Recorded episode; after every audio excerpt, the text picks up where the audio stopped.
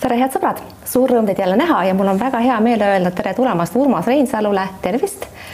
tervist kõigile nutikatele Delfi tv vaatajatele. endisele justiits, kaitse ja välisministrile, kes praegu veab Isamaa erakonna kohalike valimiste kampaaniat.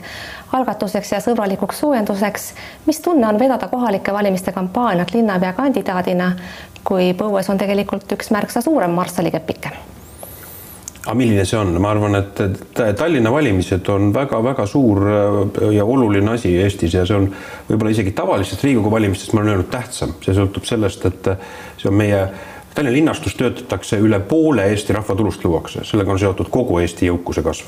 ja samamoodi on, ma arvan, ka Eesti rahva tulevikku, Eesti riigi julgeolekut, majandusarengut silmas pidades on väga tähtis ka, et Tallinna linna juhitakse eestimeelselt ja eestikeelselt, nii et siin need asjad, siin ei ole üldse mitte Marssali kepis küsimus, siin on asjas, et see on kõige tähtsam töö, mis tuleb ära teha teate, viimasel ajal on inimestel tekkinud küsimus teid vaadates ja teie ülesastumisi kuulates, et mis selle Reinsalu õigupoolest lahti on, mis kärbes on teda hammustanud, igal pool, kus kaamera käib, on tema pildi peal ja igal pool võtab ta sõna, isegi siis, kui talle seda mitte anda, anda ei taheta. miks, mis teiega lahti on siis?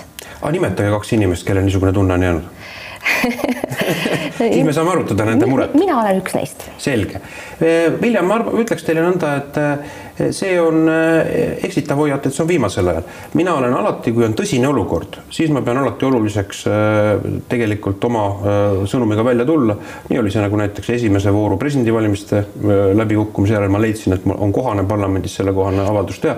ja tegelikult on ka praegu, mis puudutab kohalikke valimisi, Tallinnas olukorda, ma arvan, et Tallinnas peab inimestel olema selge, et olemas on ka väärtuspõhine alternatiiv Keskerakonna linnavalitsusele. valimiste aegu sinna pulti ronimine, see jättis erakordselt naljaka, et isegi mitte öelda totra mulje, mitte keegi ei mäleta, millest see Reinsalu seal rääkis ja jäi ainult meelde, et ta ronis sinna pulti ja tema sõnum paistis olevat, vaadake, mina olen Reinsalu ja mina olen ka siin, no milleks sellist asja teha?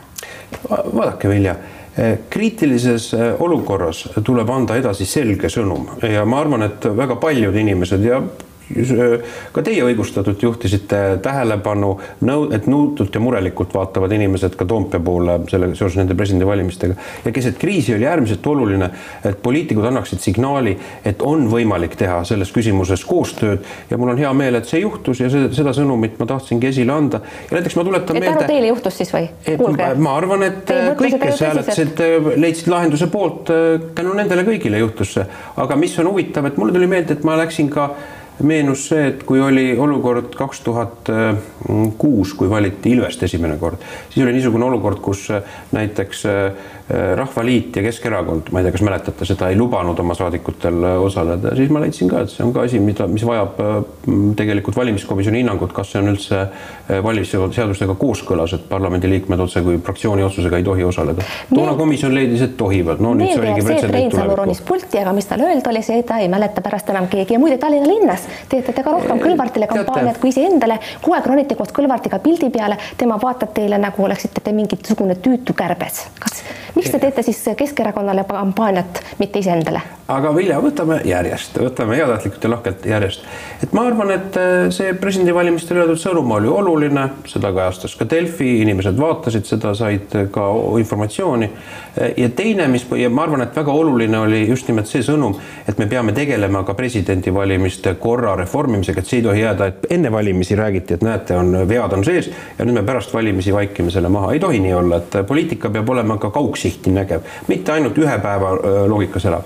nüüd see, mis puudutab äh, Tallinna linnas äh, seda küsimust, et jah, minul ja Mihhail Kõlvartil on totaalselt erinev väärtuskäsitlus, kuidas Tallinna linna juhtida. ma kavatsen seda selgelt ka äh, esile tuua selles kampaanias, teha seda heatahtlikult, väärikalt ja ma, minu jaoks on äärmiselt oluline, kui tõepoolest, kui Kõlvart asus EHA võrgu selja taha selles korruptsioonijuhtumis, mis oli seotud siis teadliku või tahtliku valeütluste andmise kahtlustusega ja leidis, et abilinnapea ei peaks tagasi astuma. mina leidsin, et see on vale, tegelikult sellega võttis vastutuse Kõlvart ise. Ja need inimesed, kes on seotud nii-öelda kõrg noh, nii-öelda kõrgkorruptsioon on nende ametiajal juhtunud, on, on nii Kõlvart kui Kõlvart on olnud kahe tuhande üheteistkümnendast aastast Tallinna linna abilinnapea Tallinna juhtimise juures. Ja ka EHA võrk on olnud kahe tuhande seitsmendast sellest aastast. Need küsimused ei ole teisejärgulised. ma tean, et inimesed, mõned ajakirjanikud ütlevad, et korruptsioon on nii äh, harjunud asi tallinlastele, et tallinlased korruptsiooni enam ei häiri ja sellega ei peagi tegelema. ma ütlen, et ma ei ole sellega nõus. Tallinna inimesed tahavad eestimeelset, ausat linnajuhtimist ja neil peab olema see valik ka tegelikkuses härra Reinsalu, vaatame järjest, vaatame järjest kõiki märksõnu. aga algatuseks veel seda, et plats puhtaks, see loosung on teil ju ka vana, kas teil tõesti siis midagi uuemat pähe ei tulnud? Ma arvan, et see on väga oluline, jaatav, ülesehitav ja optimistlik loosung. selleks, et alternatiiv on, võimalik. seda olete te juba korra kasutanud, kontekst oli hoopis teine, siis see sobis. praegu on see umbes nii, et tule eile meile. ei, ei, äh, hea, hea ajakirjanik, vastupidi, see on aktuaalsem kui kunagi varem. meil on äh, üheksakümne teisel aastal me pöörasime uue lehekülje uute väärtuste alustel Eesti riigi juhtimisel. Ja nüüd on meil tegelikult kahekümne aasta Keskerakonna ainuvõimu järel võimalik pöörata see uus lehekülg äh, Tallinnas. Ja see võimalus on, ma usun sellesse, et see võimalus on olemas. Ja tegelikkuses seda on võimalik ka ellu viia. Ja ma annan endast kõik ja rohkemgi veel. teate, eile oli üle saja kandidaadi, meil oli koosolek, kus me kiitsime oma programmi heaks äh, ja, ja inimestel on optimistlik, positiivne meeleolu ja ma arvan, et seda ülesehitavat energiat on, on väga paljudel ka Tallinna inimestel, et see lootuse võimalus on olemas. selleks, et Isamaal üldse mingi šanss oleks nendel valimistel, saaks, sellest saaks rääkida ainult siis, kui õnnestuks tõesti moodustada see ühinenud opositsioon. kuid nagu ma aru saan, on sotsid teid juba pikale lainele saatnud, kuidas on Reformierakonnaga, Eesti kahesajaga, teiste võimalike ühinenud opositsioonipartneritega Keskerakonna võimu kukutamiseks Tallinnas? ma arvan, et see olukord on paljulubav. esiteks on selge see, et inimestel peab olema selge alternatiiv, et Keskerakonna võimul on alternatiiv. nüüd teine, mis puudutab seda, et ma eelistaksin näha võib-olla selgemapiirilisemat koostööformaati nende kõigi teiste on teil üldse mingisugune koostöö tekkinud? On suhtlust, suhtlus on täiesti olemas. Raimond Kaljulaid irvitab teie üle avalikult, ma ei tea, kuidas teistega on. aga eh, mina olen heatahtlik ja mina tahan rakendada oma jõu Tallinnas Keskerakonna ainuvõimu eh, pööramisele ja ma ei tegele teiste te,, ma käsitlen teisi nii-öelda selles mõttes strateegilise loogika järgi partneritena. Eh, aga mis on oluline, teate, ma tahaksin öelda seda, et keegi ei ole täna öelnud, et seda Keskerakonna vaba linnavalitsuste koalitsiooni, keegi ei ole välistanud seda. Ja ma arvan, et see on hea lähtekoht ja see on ajanud, panete tähele, Vilja, äh, ka ähmi täis äh, keskerakondlased, et mitte asjata Mihhail Kõlvart, Yana Toom ei ole võtnud just nimelt selle plats puhtaks ja ühinenud opositsiooni mõttekäigu kriitika alla, et et äh, ma arvan, et see on, teeb neile kõige rohkem muret ja, ja see ongi asi, mida tulebki. Äh, Urmas Reinsalu, nii teie teate, mina tean, teavad teised poliitikud ja isegi Keskerakonna omad teavad, et Keskerakond opositsiooni Tallinnas kindlasti ei lähe. Küsimus... miks te arvate, miks te, miks te tõmbate juba ette lootusema, kas teate, Harmoonia partei Riias äh, eelmisel aastal, tal oli ka ainuvõim, aga lätimeelsed jõud panid seljad kokku, ka seal olid tohutud korruptsiooniskandaalid, ka seal oli nii-öelda Vene ja Läti kogukonna vastandumine Äh, selle ainuvõimupartei poolt ja see partei kukkus võimult äh, ja olgugi, et ta on mõjukas fraktsioon parlamendis. Äh, aga ma arvan, et see. Te ikka päriselt usute seda veel? mina usun seda tegelikkuses, et Tallinna linna meeste ja naiste käes on otsus kaheteistkümnendast kuni seitsmeteistkümnenda siis oktoobrini, et tegelikult saavutada muutus ja see muutus on selline, et Keskerakond äh, Tallinnas jäetakse jalga puhkama opositsioonipingil, jah, ma usun seda aga miks te ei pannud näiteks Riina Solmanit linnapea kandidaadiks, võib-olla oleksite saanud ka mõningate naiste hääled, praegu on teil seal selline isane seltskond, et paljud naised, kes võib-olla sooviksid teie poolt hääletada nii-öelda väärtuspõhiselt, nagu teile meeldib öelda. Teile, teie võib-olla neile ei meeldi, Solman oleks paremini meeldinud, miks tema ei sobinud linnapea kandidaadiks? Ma arvan, et meil oli väga palju inimesi, kes oleks sobinud äh, ja aga sobivad linnapea kandidaadiks. miks Solman ei pandud? Äh, sellepärast, et me meeskonnaga ühehäälselt langetasime selle otsuse, et praegu, äh, praegu on, mina olen selle meeskonna kaptenina optimaalseim valik ja, ja meil on, minu meeskonnas on Riina Solman ja minu meeskonnas on, teate väga palju toredaid, tarku naisi, noori naisi, aga ka elukogenumaid. võtame näiteks, noh, ma nimetaksin teda Tallinna linna südametunnistuseks Tiina Mägi. Tiina Mägi on, et ütleme inimestel, kes kesklinnast tahavad valida, Terrast ei taha valida, valigu Tiina Mägit. võtame näiteks Kadi Alatalu Nõmmel ja teised edasi. ja kui tarvis, räägime hästi pikalt vahele, sest midagi teha ei ole. hästi, suur tänu. aga mida arvate näiteks Edgar Savisaare kandideerimisest selles Vaba Eesti nimekirjas? Mul on veidi kahetsed tunned esiteks mulle meeldib, et Edgar Savisaar kandideerib, ma ütlen, väga tubli otsus, sellepärast et mingisuguse hulga hääli ta Lasnamäel tegelikult ikkagi küllap eeldatavasti ennekõike Keskerakonnalt viib ära. kas see on paar tuhat häält, pool mandaati või mandaat, me ei oska täna seda hinnata, ju tema trajektoor on pigem langevas äh, loogikas võrreldes kahe tuhande seitsmeteistkümnenda aastaga, nii et see, seda ma tervitan. teisest küljest on veidi nukker, et ikkagi noh, Eesti poliitika tähtkuju või tähtstaar on noh võrdlemisi niisuguse äärm-, noh, ütleme siis marginaalse seltskonna kaubamärgiga ennast sidunud, aga noh, see ongi niisugune Äh, ühe poliitilise liidri hiilgus ja viletsus, kui parafraseerida kirjandust. teatavad sellised marginaalilomalised käitumised, käitumisviisid on tuvastatavad ka teie enda toimimises, näiteks sotsiaalmeedias, kogu aeg on teil kombeks öelda, jagage palun seda postitust, niimoodi teevad just nimelt marginaalid, mitte professionaalsed poliitikud nagu teie. kust see teil pärit on? Äh, Vilja, kas teate, ma arvan, et Eesti poliitika kõige rohkem ühte postitust, mida on jagatud Eh, see oli minu postitus, mis ma kirjutasin selle aasta suvel ja mida jagati Facebookis, jagati, mitte ei loegitud üle, ma arvan vist kümne tuhande või kolmeteist, neljateist tuhande korra. ja see puudutas valitsuse kavasid tegelikult seoses rohepöördega kirjutada transpordi arengukavasse sisse idee plaanida ummikumaksu, täiendavaid aktsiisitõuse, hakata kehtestama teekasutustasusid. et see oli kõik tänu sellele, et te kirjutasite, palun jagage ei, ma arvan, et informatsioon on alati kasulik, kui ma tsiteerin kadunud Endel Lippmaa sõnu, kes ütles, et info on alati objektiivses mõttes kasulik, seda peab teadma. ja poliitiku ülesanne on kahtlemata infot nii oma konkurentide kohta kui iseenda kohta levitada. ja ma arvan, et kui te kasutasite sõna marginaal, siis ma arvan, et marginaale, marginaalide postitusi ei jagata üle kümne tuhande. no ma ei teinud seda ka mitte juhuslikult, teie probleem, Isamaa probleem ju nendel valimistel on ju ikkagi see, et kas te saate üle künnise, mitte see, et kas te saate linnapeaks, sest olgem ausad, me teame ju, teie teate, mina tean ja teavad ka kõik teised, te ei saa ju linnapeaks see on ju selge.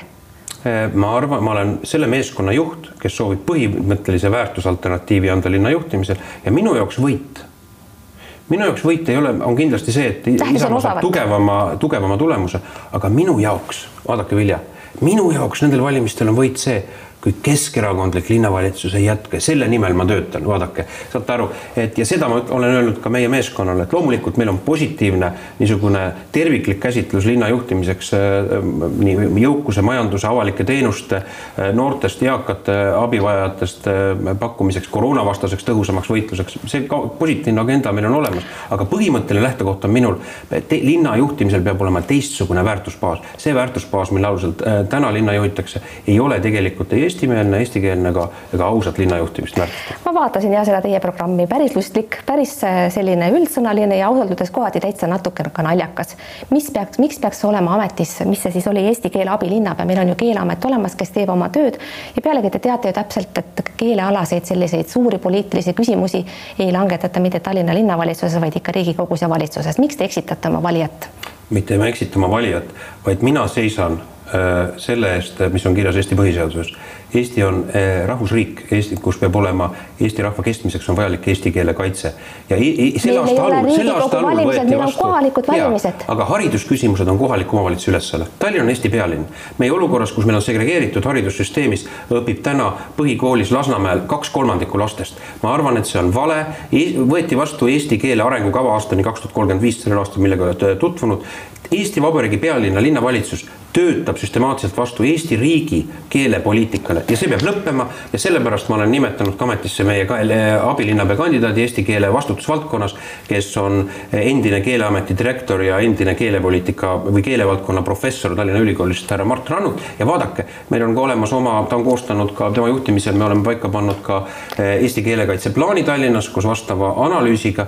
Ja uskuge mind, see on, see ei ole mitte rahvusi vastandav, vaid see on tegelikkuses inimõigusi kaitsev see on majanduslikult mõistlik, see on tegelikult ka Teate, teie võite seda, teie võite seda lõputult korraldada, aga korrutada, aga mina ei ole sugugi ainus, kes on äh, halvust, kes on pannud tähele seda, et te kasutate Vene kaarti halvas mõttes. ei, ei vabandust, mina kasutan Eesti riigis, teate, Vilja, ma ütlen saladuse, aga omavahel ainult meile kahele, saate ja kuulate kõrvad kinni. mina kasutan Eesti kaarti ma olen Eesti Vabariigi kodanik ja ma räägin sellest Eesti. oma erakonna programmis, mida ma usun, et minu riigi pealinna juhtimisel peab äh, silmas pidama ja see on eesti keel. ma toon teile ühe näite, mis puudutas seda usundust tegelikult. teate et..., iga kord valimiste eel on räägitud, et Vene kaardi koht on prügikastis ja kui mida te nimetate Vene kaardi all, andke andeks. Te ikkagi praegu, kui te räägite eestimeelsest valitsemisest ja segregatsiooni lõpetamisest ja kõigest sellest, mis on Tallinnas olnud venemeelne, tegelikult te ikkagi lahutate eestlasi ja venelasi. ja see on selles mõttes nagu väga, see on rumal ja isegi totter, sest enne kohalikke valimisi valimisi nüüd kolmkümmend aastat hiljem avastada, et Tallinnas elab ka venekeelne elanikkond, see on lihtsalt silmakirjalik. teate, teate Vilja, vaadake, ma toon teile ühe näite, ma toon teile ühe näite. et äh, see, et kolmkümmend aastat on see olukord kestnud, see ei ole vabandus, vaid raskendav asjaolu, teate Vilja. mitmesse valitsusse te olete kuulunud? aga ma võtan ühe näite. Tallinna linna, Tallinna linna juhtimisel. valitsusse on ka teie enda tegemata töö ja teie erakonnakaaslaste see riigis töö. ja linnas tegemata töö ja me peame ütlema nüüd, et tuleb pöörata uus lehekülg, et kui Tallinna linna pealinnas töötatakse sellele vastu, siis see ei ole okei okay.. Ma toon teile ühe näite. istub selline mees Tallinnas Lasnamäel vene kooli juht nagu härra Garanja, kes on üheksakümne seitsmendast aastast saanud, ma olen Keeleametiga rääkinud, saanud trahve selle eest, et ta ei oska nõuetekohaselt eesti keelt. mis te temaga nüüd siis teete? linn, Tallinna linn maksab meie maksumaksja rahast sunnirahad kinni. ja mis teie siis temaga nüüd teete? aga meil on eesti keele kaitse plaanis need inimesed lähevad ära koju, leiavad endale uue rakenduse kooli haridusasutuse juhtidena, kes ei valda nõuetekohaselt eesti keelt, kõik mulle tundub teie juttu kuulates, et asute ehitama Tallinnas paralleelsüsteemi. Nagu- vastupidi nagu, me tahame toetada Eesti riigi äh, keelepoliitikat, millele vastandub täna Tallinna linna äh, poliitika ja vaadake. Tallinna see... linnas täna ei täideta riigi keelenõudeid, selles on probleem, Vilja, mitte me ei ehita paralleelsüsteemi, vaid me tahame toetada Eesti riigi legitiimseid eesmärke. teate, kõige naljakam on selliseid eesmärke kuulda just teie erakonna suust, sest ma ei tea mitte üheski erakonnas nii palju inimesi, kes oskaksid eesti keelt silmatorkavalt halvasti halvasti nagu Isamaa erakonnas. ma loen mõned nimed võib-olla ette ka, sest äh, neid on siin äh, olnud mitmelgi moel. seal, seal on äh, ma ei leiagi neid üles, ütlen mälu järgi, aga eriti halvas eesti keelega on silma paistnud näiteks. Mihkel Mutt ei, Mihkel Mutt kindlasti mitte. Näiteks Sven Sester, näiteks Tarmo Kruusimäe, näiteks Raivo E. Tamm, Üllar Saaremäe ehk siis kõik need inimesed, kes on reklaamides tagunud vastu rinda ja öelnud, et nemad seisavad eesti keele kaitsel. ja isegi teil, kui teil vanasti ei olnud veel korrektorit Facebookis, siis äh, teiegi eesti keel polnud nii suurepärane. miks see niimoodi on, et erakond, kus, kus kõige kehvemini eesti keelt osatakse, taotakse endale vastu rinda ja öeldakse, me seisame eesti keele kaitsel, see on naeruväärne ma arvan, et see on äh, ütleme sofistlik süüdistus selle kohta, et erakond, kus kõige kehvemini eesti keelt osatakse. aga mina olen jah, põhimõtteliselt mina ütlen küll, et kui te ütlete, et äh, selle peale ei peaks tähelepanu juhtima, et Tallinna linnapea Mihhail Kõrvalt korraldab aga miks teil endal eesti keelega nii kehvad lood on, aga miks teil eesti keelega endal nii kehvad lood on? küllap kõik on õppinud seda keelt äh, nii aga nagu õpetajad on olnud ja nii nagu tublidust on olnud ja küllap tuleb juurde õppida. aga küsimus on selles, et ega põhimõtteline valik ei ole mitte selles, et kas keegi toksib Facebooki oma jutu sisse sinna telefoni, et kas ta teeb äh, õigekirja vea. küsimus ei ole selles, küsimus on selles, kas meie riigi äh, pealinnas eksisteerib segregeeritud haridussüsteem ja meil on eesti keelel ahenev, mitte kasvav kasutusala meie pealinna kultuuriväljas. mina tahaksin, et erakond, kes seisab eesti keele ja kultuuri kaitsel, taipaks ise midagi keelest ja kultuurist. mul on teile hea uudis selle kohta ma moodustasin ka eile Eesti Keele Kaitse Nõukogu eh, Tallinnas ja sinna kuuluvad näiteks Andres Langemets, eh, Mihkel Mutt, eh, Mihhail Lotman, aga ka näiteks Tunne Kelam ja, ja Kõlab ma luban, et see nõukogu ja ma luban, et see ja, ja ma luban, et see nõukogu tegeleb kõiksugu küsimustega, mis, kuidas aidata ka eesti keele kasutusala. ärge sinna võtke ka palun Tõnis Lukas, kes räägib teenindaja kogu aeg, teda ka ärge ka võtke.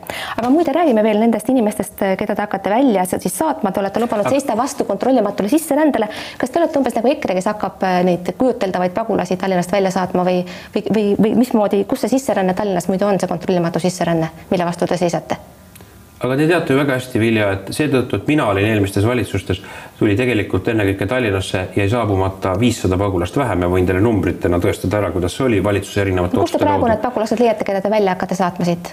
ma arvan, me leiame, ma arvan, et meie kogu Euroopa on praegu silmitsi suure sisserände olukorraga, kus me näeme, mis toimub Leedu-Valgevene piiril, see ei ole mingisugune virtuaalne olukord. see, mis on hakanud toimuma, ka rünnak on toimumas Läti-Valgevene piiril, piiril. kas me oleme naiivsed ja ei arva, et see oht on aja küsimus, et võib tabada ka Venemaa Eesti piiril äh, Eestit ja see oli põhjus, miks ma tegin ettepaneku ka valitsusele, kirjutasin suvel Kaja Kallasele kirja Äh, ja, ja ütlesin talle, et mida me peame kiiresti tegema, võtame nüüd jõu kokku ühiselt, opositsioon, koalitsioon ühiselt, ehitame kiiremini välja piiri, idapiiri, füüsilised tõkked, et see ei saa olla aastani kaks tuhat kakskümmend kuus visioon. kahjuks peaminister vastas mulle, et, et ei ole plaanis seda teha, kuna vahetut ohtu ei ole. tegelikult on loomulikult oht olemas, ka inimeste mass hakkab liikuma Afganistanis üle Iraani, seejärel Türgi ja siis Euroopa suunal. hästi, aga sellest paar sõna ta tahaksingi rääkida, mismoodi me peaksime praegu aitama neid inimesi, kes Afganistanis on omakorda meid aidanud aidanud. me teatavasti võtame umbes kahekohalise arvu eh, Afganistanist tulnud inimesi koos perekondadega siia vastu.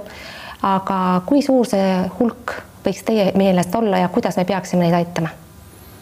Aga küsimus on selles, et äh, valiku on ju lääneriigid teinud sellega, et nad lahkusid äh, Afganistanist, ennekõike Ameerika Ühendriigid. ma arvan, et äh, suures vaates, et lõpmatult ühe noh, nii-öelda keskaeg, keskaegse, sisuliselt keskaegse ühiskonna ülesehitamise politseinikuna tegeleda, ma arvan, see ei ole jätkusuutlik, et ma arvan, pikas perspektiivis oli see ratsionaalne.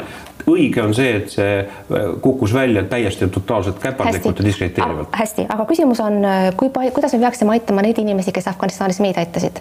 Ja kui paljusid me suudaksime aidata teie hinnangul, te olete endine välisminister ma arvan, et selles küsimuses on valitsusel seisukoht välja töötamata, ma toon teile ühe näite. kui Eesti viis välja kompanii, ma arvan, ma, ma toon lihtsalt, ma arvan, et me peaksime leidma lahenduse, kus eh, need inimesed, kes aitasid Eesti kaitseväelasid tõlkidena, et nende eest me muretseksime. kui mina olin kaitseminister kahe tuhande kolmeteistkümnendal aastal, siis Küsimus ma leppisin kokku Ühendkuningriigi kaitseministriga aasta enne seda, kui meie kompanii läks välja, et need tõlgid hoolitses nende eest Ühendkuningriik. kuidas praegu peaks tegema? ma arvan, et eh, kindlasti valitsus ei peaks eh, hakkama neid isikuid toimetama nimetama praegu, kui me kõneleme mitte kaitseväge aidanutest ja nende üle meil ülevaadet ei olegi, nagu ütlesid riigi esindajad. me ei teagi neid inimesi, kes kaitseväes aitasid, järelikult nemad on kõrval.